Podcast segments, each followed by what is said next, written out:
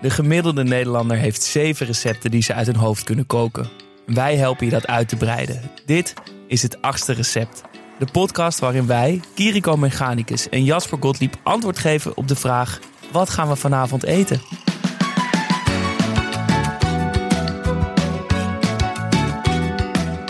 Ik ben Kiriko. Ik ben culinair historicus, schrijver en doe al mijn hele leven lang onderzoek naar waarom we eten wat we eten.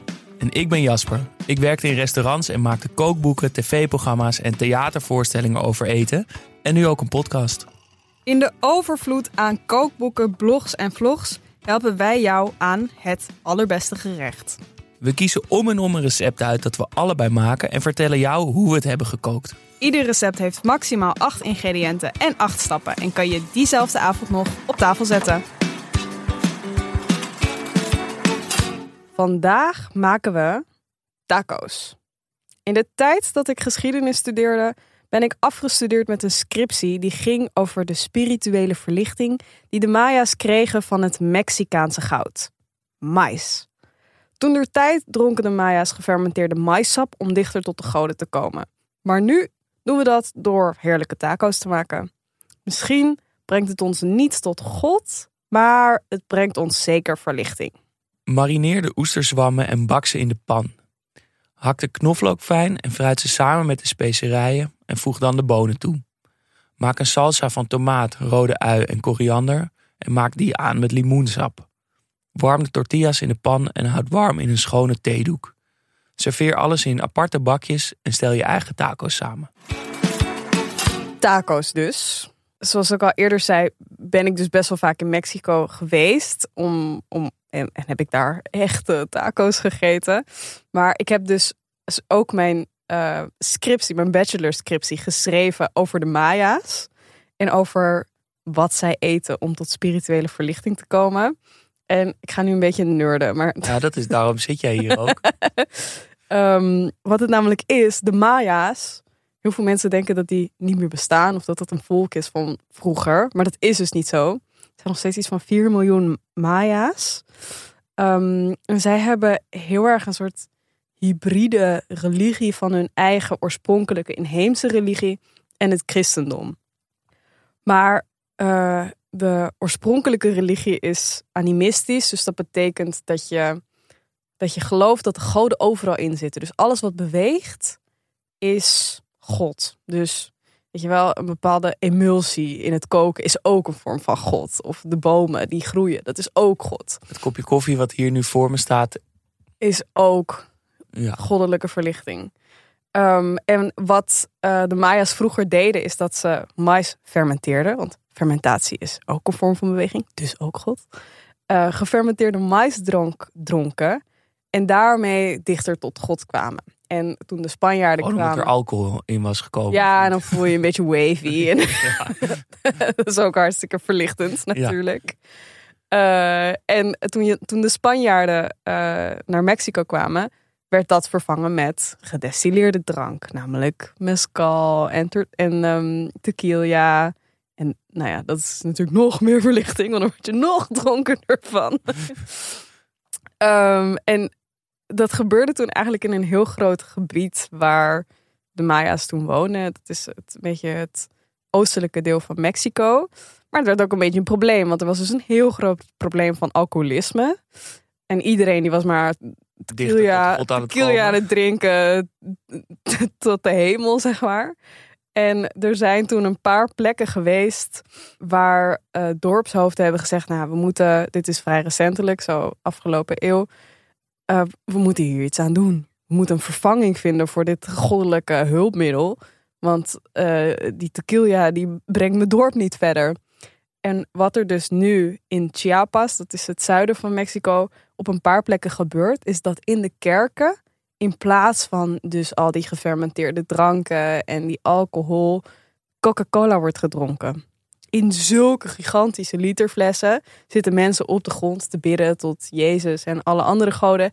En gewoon liter na liter te drinken om te boeren. Want die boeren is dus is ook, beweging. Is ook beweging in je lichaam en dus diezelfde verlichting. Maar het grappige daaraan is, is dus dat die Coca-Cola, of het middel dat daarvoor wordt gebruikt, de oorsprong zit hem nog steeds in die gefermenteerde mais. En Mexicanen hebben ook wel. Want, Maar gewoon qua symbool. Of zit er, er zit toch geen gefermenteerde mais in Coca-Cola? Zeker niet, zeker niet. Maar zo het idee van dat beweging in je lichaam eh, iets spiritueels is, wordt gewoon steeds vervangen met iets anders. Maar het is altijd, het is oorspronkelijk ooit Ja. begonnen bij gefermenteerde mais. En het oorsprongsverhaal van de Maya's is ook dat mensen eh, zijn gevormd uit maisdeeg. Dus dat de goden zeiden, we moeten mensen maken, hoe gaan we dat doen? En dat ze dus maisdeeg in hun handen hadden, daar klei, mensjes van kleiden en dat dat dus de eerste Maya's waren op de wereld. Dus het zit heel diep bij, eh, bij de Maya's. Ik heb deze tacos gewoon gisteravond snel in een pannetje gemaakt. Voel me nu helemaal eh, een soort godslastering. Alsof ik er niet genoeg eh, Nee, nee, bij nee. Je hebt heb juist een heel mooi spiritueel ritueel uitgevoerd Maar gisteren. ik heb er totaal niet bij stilgestaan. Ik heb gewoon lekker gegeten. ik vond het ook een heel lekker recept. Ik ook. Ehm, maar nu voelde ik voel de druk nu wel. ehm, want voor mij, ja, misschien is dit echt vloeken in de, in de kerk. ik hou heel erg van de Mexicaanse keuken, maar ik hou ook van de andere kant van het spectrum, namelijk die grote platte tarwepannenkoeken in de supermarkt met voorgemarineerde of van die Tex-Mex kruidenmixjes, tomaat, paprika en dan een zakje geraste kaas Ben je een rapman? ik weet, ik noem het dan wel een tortilla, maar ik heb wel, ja, ik was vroeger wel een van mijn lievelingseten. Maar nu voelt het alsof ik daar nooit meer naar terug mag. Terwijl ik heb daar toch warme wel. herinneringen aan. Absoluut wel. Weet je, zo heeft iedereen ook weer zijn eigen interpretatie van God. En is, is deze, deze, deze tarwe raps is dan weer, weet je wel, dat is dan weer jouw God. Ja, maar ik moet zeggen, ik, ik, heb, ik heb dus ook eh, ehm, ehm, familie in eh, Mexico. Dus ik ben een aantal keer geweest. Eh, de Mexicaanse, Mexicaanse keuken is wel veel lekkerder. Maar ik heb wel als een soort comfortfood, vind ik die grote wraps toch ik krijg het bijna mijn strot niet uit. Eh, vind ik toch wel heel erg lekker. Maar goed, ja, in, in, in Mexico die kleine vers gemaakte met de hand ge- gemaakte tortillas eh, van mais. Vers op de plancha, warm gemaakt met een hele simpele topping. Is nog wel even wat lekkerder. Heb je wel eens je eigen tortilla deeg gemaakt? Nee, niet het deeg. Ik heb wel eens, want je kan ehm, in de supermarkt wel een soort kant-en-klare eh, massa, dus maisdeeg, poeder kopen. Dat maak je aan met water en dan kan je zelf tortillas maken. Dat heb ik wel gedaan. Maar het hele proces van mais, nixtamaliseren. eh Wat, kan je dat even uitleggen wat Ja, dat kom is? ja, dus je, je kookt mais met een soort kalksteen. En dat geeft een chemische reactie waardoor de velletjes van maiskorrels zachter worden. En je het he- geheel kan eh, malen tot een fijn eh, deeg. Dat gaat mij iets te ver om thuis te doen. maar ja, met die eh, pakken die je kant-en-klaar kan kopen, daar heb ik wel eens deeg van gemaakt in eigen tortillas. Nice. Ik weet niet hoe of dat veel lekkerder is dan een goede kwaliteit mais tortilla die je nu best wel veel, eh, best wel makkelijk verkrijgbaar is. Klopt, ja. ja. Ik vind overigens die, die pakjes, die oranje verpakkingen bij de Albert Heijn ook best prima. Ja hoor, Ja, doe een heel goed plezier. alternatief. Ehm, er wordt vaak, volgens mij in de supermarkt, is, wordt er in Nederland onderscheid gemaakt tussen taco's, de harde schelpjes, en tortillas, de, de zachte pannenkoeken. Ehm, Ja, Dat is typische uitspraak om het dan pannenkoeken te noemen. Maar ja, wij hebben het in over dit de geval, tortillas. ja, dus zachte mais tortillas. Maar in Mexico heet zo'n zachte tortilla met een topping een taco. Om even alle verwarring te voorkomen. Ehm, wij hebben ze belegd met zwarte boontjes. Mhm. eh, frisse salsa van tomaat. Maar de hoofdrolspeler waren eh oesterzwammen Mhm. die heel vlezig gebakken waren. Ehm, hoe kwam je bij deze topping? Want je, je kan er letterlijk bijna alles op doen op een, eh, op een tortilla. Klopt. Ja, ik denk dat de, de, het succes van een goede taco of tortilla zit hem in de balans van chille smaken bij elkaar eh, brengen. dus inderdaad lekker iets vleesigs en iets super fris en gewoon iets ja, Hartig. krachtigs, vullends. Ja. Als je eenmaal zo die ho- Holy Trinity, om eh, binnen het religieuze te blijven, een beetje kunt vasthouden, dat je daarin ook kunt variëren met andere, andere ingrediënten. Maar ik vind sowieso oesterzwam echt een hele leuke paddenstoel. ik eet graag oesterzwam. Eh, het heeft heel veel smaak en precies de textuur die je wil als je zin hebt in iets vleesigs. Eh, en ook heel makkelijk te marineren. Het, het, het zuigt lekker veel smaken op.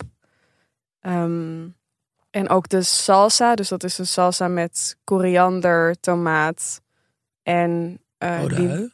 limoen. Ja, rode ui kan er ook zeker nog wel bij, ja. Eh, staat niet in het recept, maar Oh, ja, dat had ik gedaan. In Mexico heet het dan Pico de Gallo. ja. Dat is zo'n beetje de standaard versie die je op alle taco's krijgt. Ja, het is. Ik vind dat. Ja, dat is denk ik een beetje wat mist in de, de verwesterde Mexicaanse Een versie. frisse element. Ja, Eh, maar in dit geval is dus het vlezige de paddenstoel, het frisse de salsa van tomaat en het hartige vullende de zwarte bonen. Ja. Ehm, en hoe heb jij het er dan vanaf gebracht? nou, ik heb eh, twee versies gemaakt. Je zou Kiriko niet zijn als je niet twee of drie of vier versies hebt Ik word zo geshamed om mijn Nee, nee, ik vind alleen maar waardering voor hoeveel moeite je elke keer in het hele onderzoek stopt. Nou ja, dit, ik zou dit niet eh, per se een onderzoek willen noemen. Ik heb dus eh, eerst de versie die we net hebben besproken gemaakt. Dus met oesterzwammen, eh, met een marinade. Het is een ottolenghi recept oorspronkelijk. Met een beetje sojasaus en Een beetje ahornsiroop, Met een beetje maple ahorns- syrup, ja. ehm, chilipepertje, ja, eh, en dat- wat specerijen. doet hem heel erg goed. Eh, vind ik ontzettend lekker. Alleen ik dacht wel, het zijn natuurlijk drie elementen die je maakt. Dus dat, ja, ik zou niet het, zijn, het is allemaal makkelijk omdat het gewoon best wel een beetje bij elkaar gooien is. Maar het is wel veel verschillende bakjes en pannetjes. En we hadden eh, laatst die eh pulled porros van de Ver gekregen van de Nieuwe Keuken. En zij hebben een Mexicano versie van eh, ja, oesterzwammen. Dus het heeft een beetje hetzelfde idee eigenlijk. Dus ik heb één versie gemaakt met mijn eigen oesterzwammen marinade. En één versie met de pulled porro oesterzwammen. En dat was ook heel lekker. Het is Dus het is een beetje in hoeveel tijd je vanavond hebt. Als je aan het koken bent, je kan die nieuwe keukenversie kopen, dan ben je nog sneller klaar. Ja, dan ben je En er anders echt. ben je ietsjes meer tijd kwijt. En jij? Nou, het is vrij recht toe, recht aan. Het is natuurlijk altijd lekker als je op tafel meerdere bakjes hebt staan en dan lekker kan, eh, eh, zeg maar, elke taco opnieuw kan, kan maken. Ik vond dit oesterzwammen heel vlezig. Vind kijkt er een iets- beetje Nee, vies ja, bij. vlezig klinkt gewoon vies. En Ja. in principe hou ik ook gewoon. Nou, er zijn vaak eh, vleesvervangers die heel erg doen alsof ze vlees zijn. Ja. Dat ik denk, nou, laat het gewoon een paddenstoel zijn. Maar hier eh, is een oesterzwam, is het gewoon. Het is een heel goed alternatief. Eh, ik hou ontzettend van zwarte boontjes. Mhm. Die je een beetje zo opzet met wat eh komijn. Eh, ik zou er misschien een beetje avocado bij doen nog. Ja, goeie. Eén reepje eh, erop, ook voor de kleur. En dan wordt het ook nog een beetje wat vettiger van. Ehm, en een goede tip, denk ik, als je, want je hebt dus een bakje op tafel staan met die tomaten salsa. Je hebt Mhm. een bakje op tafel staan met, met boontjes en eentje met de paddenstoelen. Ehm, maar ja, de- je wil niet elke keer opnieuw een taco warm maken en dan weer aan tafel komen zitten en dan, dan ben je elke keer tussendoor te lang bezig. Dus je moet toch een, een heleboel tacos eigenlijk al warm hebben. En wat ze in Mexico vaak doen, wat een goede tip is, is er dus een heleboel in de pan eh, warm maken. Dan worden ze vaak een beetje wat harder, krokanter. Maar als je ze dan in een bakje met een, in een schone theedoek gewikkeld legt, dan stoomt het eigenlijk een beetje. En dan stomen ze zichzelf en houden ze zichzelf daarin warm. En ze worden nog blijven soepel. Dus ook als het in de pan een beetje wat harder is geworden, als je het dan op elkaar legt in die theedoek, krijg je toch weer lekker een soepele, flexibele. Ik doe dit ook altijd. Dus dat En- is dan, en je hebt er gewoon een, een boel klaar. Ik doe ook, eh, voordat ik ze in de pan doe, doe ik zo een heel klein beetje, maak ik, eh, heb ik een natte vinger en maak ik ze aan beide kanten een beetje nat. Zodat dus dan ze, stoomt het ook al een beetje. ja, dan worden ze nog iets, nog een betere, zacht, knapperig balans. Eh, en voor de rest, eh, ja, heb ik gewoon. eh, ik, ik heb het in recordtempo een heleboel tacos naar binnen gestopt. En toen had ik spijt. dan had ik pijn in mijn buik. En had ik er toch eentje te veel gegeten. Zoals het eigenlijk natuurlijk altijd met, Ja, met echt tacos zo. is. Ik had bij een soort speciaal zaakje bij mij om de hoek. Echte, echte goede kwaliteit Mars gehaald. Daarmee is het wel echt lekkerder. Moet ik toch wel zeggen. Maar met die oranje pakjes uit de, uit de supermarkt. Heb je tegenwoordig toch wel echt hele goede alternatieven. Mocht je niet in de gelegenheid zijn. En anders kun je het ook best met tarwe tortillas maken. ja joh. Maar het is, je komt niet zo eh, dicht tot de goden alleen. Ik vind het ook een goed recept om in een grote groep te eten. Als je ooit gasten hebt en eh, je bent op zoek naar een soort mooi gerecht waarbij je toch het gevoel hebt dat je een beetje Ja. ja, aan het gourmetten bent, maar dan anders, is dit wel een heel mooi alternatief. Alleen ben je wel de hele tijd aan het vechten om elke kom. Misschien moet je het wel in meerdere kleine kommen doen. Want anders Precies. zit iedereen... oh, Mag ik de bonen? Mag ik de, de- Nou goed. Ja. Eh, dat was het recept van vandaag. We gaan naar de lezersvraag. We krijgen veel eh, reacties van mensen die recepten hebben gekookt. Die we hebben besproken. Ehm, maar we krijgen ook wat vragen, want we zijn natuurlijk nooit volledig. En eh, wij doen ook maar wat. en eh, Sophie stuurde in over het recept eh, van Emma de Touaars... wat we hebben gemaakt over het liefdeselixer... waarin er gesizzeld wordt. Die vraagt, gaat er wat van de pittigheid af na de sizzle? En, want ze zeggen, ja, het klinkt als zoveel chili. En wat er in het recept was, is dus dat je eh chilipeper in een bakje doet, of chilivlokken.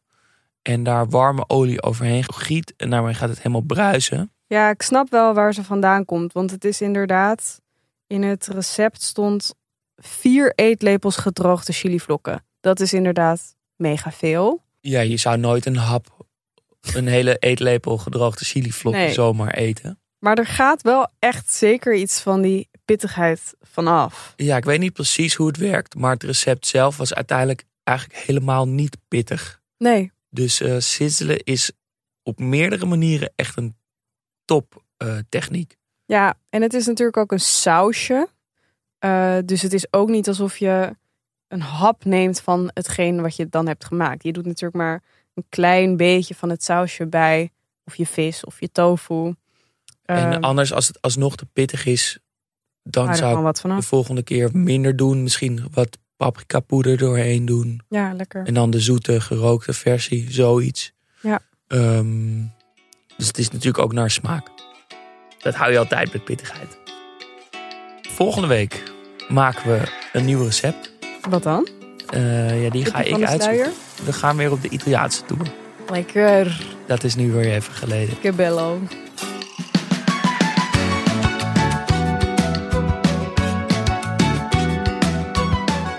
was Het Achtste Recept, een podcast van Dag en Nacht Media.